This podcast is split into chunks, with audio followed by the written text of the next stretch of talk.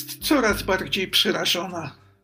Już od blisko godziny siedzi w covidowej maseczce w hali przylotów lotniska Regana w Waszyngtonie i kompletnie nie wie, co dalej robić. Nikt po nią nie przyszedł. Przyleciała rejsowym z Nowego Jorku, wymęczona, otumaniona wcześniejszym całodniowym lotem z Warszawy i chciałaby wreszcie odpocząć, zdjąć tę cholerną maseczkę, wyluzować się. A tu taka przykra niespodzianka. Jak mogła tak lekkomyślnie zaufać zapewnieniom obcej osoby, która obiecała, że kogoś podeśle po nią na lotnisko, że ktoś na pewno będzie czekać w hali przylotów, skąd ją bezwłocznie odbierze? Obiecała. A ona jak mogła tak naiwnie w to uwierzyć? Odległy kontynent, do którego po raz pierwszy w swym życiu przybywa, bezdusznie wyludnione otoczenie za sprawą szerzącej się pandemii, wszystko to wraz z chłodem lotniskowej obojętności przytłacza ją. Jej umysł, zablokowany strachem, nie jest w stanie zainicjować żadnego racjonalnego działania, a takie powinna podjąć jak najszybciej. Musi, ponieważ na zewnątrz coraz bardziej zapada zmrok i personel lotniska wkrótce zacznie przygotowywać port do pracy w reżimie nocnym. Co to oznacza? To oznacza, że z powodu pandemii COVID-19 i tak nielicznie dotąd funkcjonujące bary i sklepiki zaczną się zamykać, że na hale wjadą ekipy z maszynami odkażającymi i sprzątającymi, a służby informacyjne będące ostatnią ostoją, do której wciąż jeszcze mogłaby się zwrócić o pomoc, opuszczą lotnisko i pozostawią ją samą sobie, jak przysłowiową ofiarę na pastwę bezdusznego losu. Kretynka!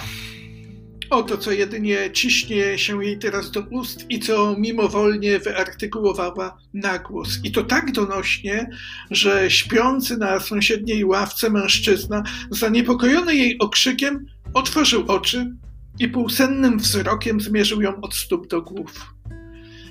Najwidoczniej uspokojony nieodbiegającym w jego pojęciu od normy zachowaniem nieznanej kobiety, po krótkiej chwili wrócił do swej drzemki. Tymczasem jej myśli stają do bezpardonowej potyczki z jej zranioną dumą. Ostrzegała cię matka, abyś dodatkowo zapisała w kalendarzyku wszystkie niezbędne kontakty, z których będziesz mogła skorzystać w razie nieprzewidzianej sytuacji? Ostrzegała. A ty co? Zignorowałaś radę matki. Uwierzyłaś, że całkowicie wystarczy ci kilka notatek wklebanych poprzedniego dnia do smartfonu. No to masz teraz.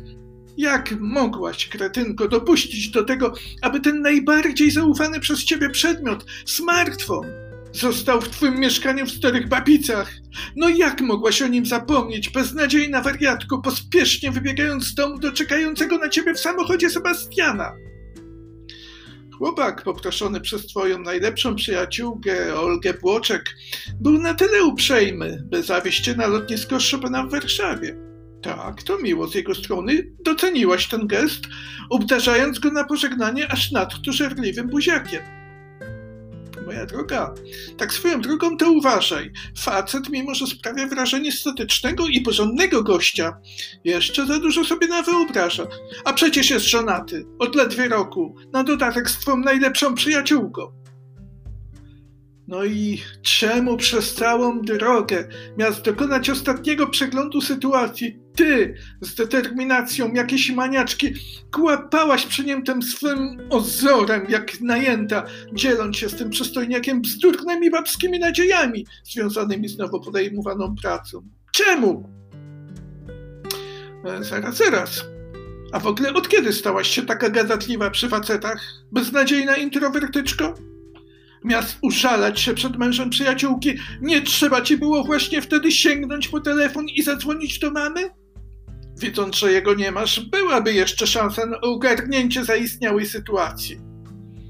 No i sięgnęłaś, owszem, sięgnęłaś, durna dziewczyno, ale dopiero po odprawie paszportowej. Z góry uznałaś, że to będzie najlepszy moment na pocieszenie mamusi, iż wszystko mamuś leci jak spłatka. No i poleciało. Jak cholera poleciało, jak spłatka. Na łeb i szyję poleciało. Gratuluję. Kurczę, co ja mam teraz robić? W końcu myśli dziewczyny skierowały się na bardziej pragmatyczne tory. Nie mam telefonu, nie pamiętam oczywiście nawet numeru do moich pracodawców, więc jak mam ich poinformować, że od ponad godziny jestem i niecierpliwię się tutaj, na lotnisku w Waszyngtonie? Chyba najlepiej będzie, gdy po prostu zaczekam na kolejny rejsowy z Nowego Jorku. Możliwe, że podczas rozmowy z panią Alicją doszło między nami do jakiegoś nieporozumienia. Każdego dnia z Nowego Jorku do Waszyngtonu przylatuje kilkanaście samolotów. Może więc wyraziłem się nieściśle i pani Alicja zrozumiała, że przylecę o innej porze. I pani Alicja zrozumiała, że przylecę o innej porze. Pewno tak. Tak właśnie musiało się stać. No trudno. Muszę sobie teraz radzić sama do przylotu kolejnego i ostatniego rejsowego z Nowego Jorku mam jeszcze grubo ponad półtorej godziny. Zasięgnę więc języka w biurze informacyjnym dla podróżnych, bo na szczęście to biuro wciąż jeszcze tu pracuje. Pracownica Airport Information Office, młoda piękna mulatka z przyklejonym uśmiechem na twarzy, sympatycznie prezentującym się nawet pod przezroczystą antykowidową przyłbicą, sprawnie pomogła ustalić Mariannie optymalną trasę do małej miejscowości Town w stanie Maryland, gdzie znajduje się dom i winnica pani Alicji. Wydrukowała też dla niej mapkę ze szczegółową trasą podróży, którą, siedząc w wygodnym teraz fotelu pióra, zaczęła skrupulatnie studiować. Ponieważ zależało jej, aby podróż była możliwie najtańsza, będzie musiała kilkakrotnie zmieniać środek lokomocji. I tak, w kolejności. Najpierw czekają podróż liniami Greyhoundu przez Baltimore do Frederick. Tu, na Transit Center, będzie musiała się przesiąść do lokalnej linii w kierunku Eminsburga, skąd podmiejskim autobusem dojedzie do docelowego Town. Jednak to nie koniec, nie, nie. Dalej czekają jeszcze pieszy przemarsz z walizą i plecakiem po kompletnie nieznanej okolicy do Commerce Street, czyli tam, gdzie znajduje się dom, którego właścicielka Alicja Fimie wynajęła ją do pracy. Najgorsze jest jednak to, że podczas tej całej eskapady będzie musiała się obyć ledwie jedną, jedyną butelczyną wody mineralnej i paczką herbatników. Po odliczeniu bowiem kosztów podróży, po prostu na nic więcej nie starczy jej pieniędzy.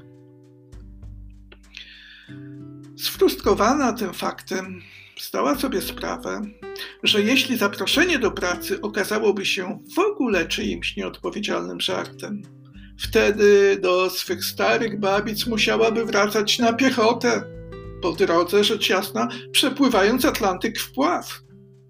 Albo nie. Nie chciała nawet myśleć o tym albo, podświadomie rozumiejąc, że konsekwencje takiego albo byłyby dla niej absolutnie nie do przyjęcia.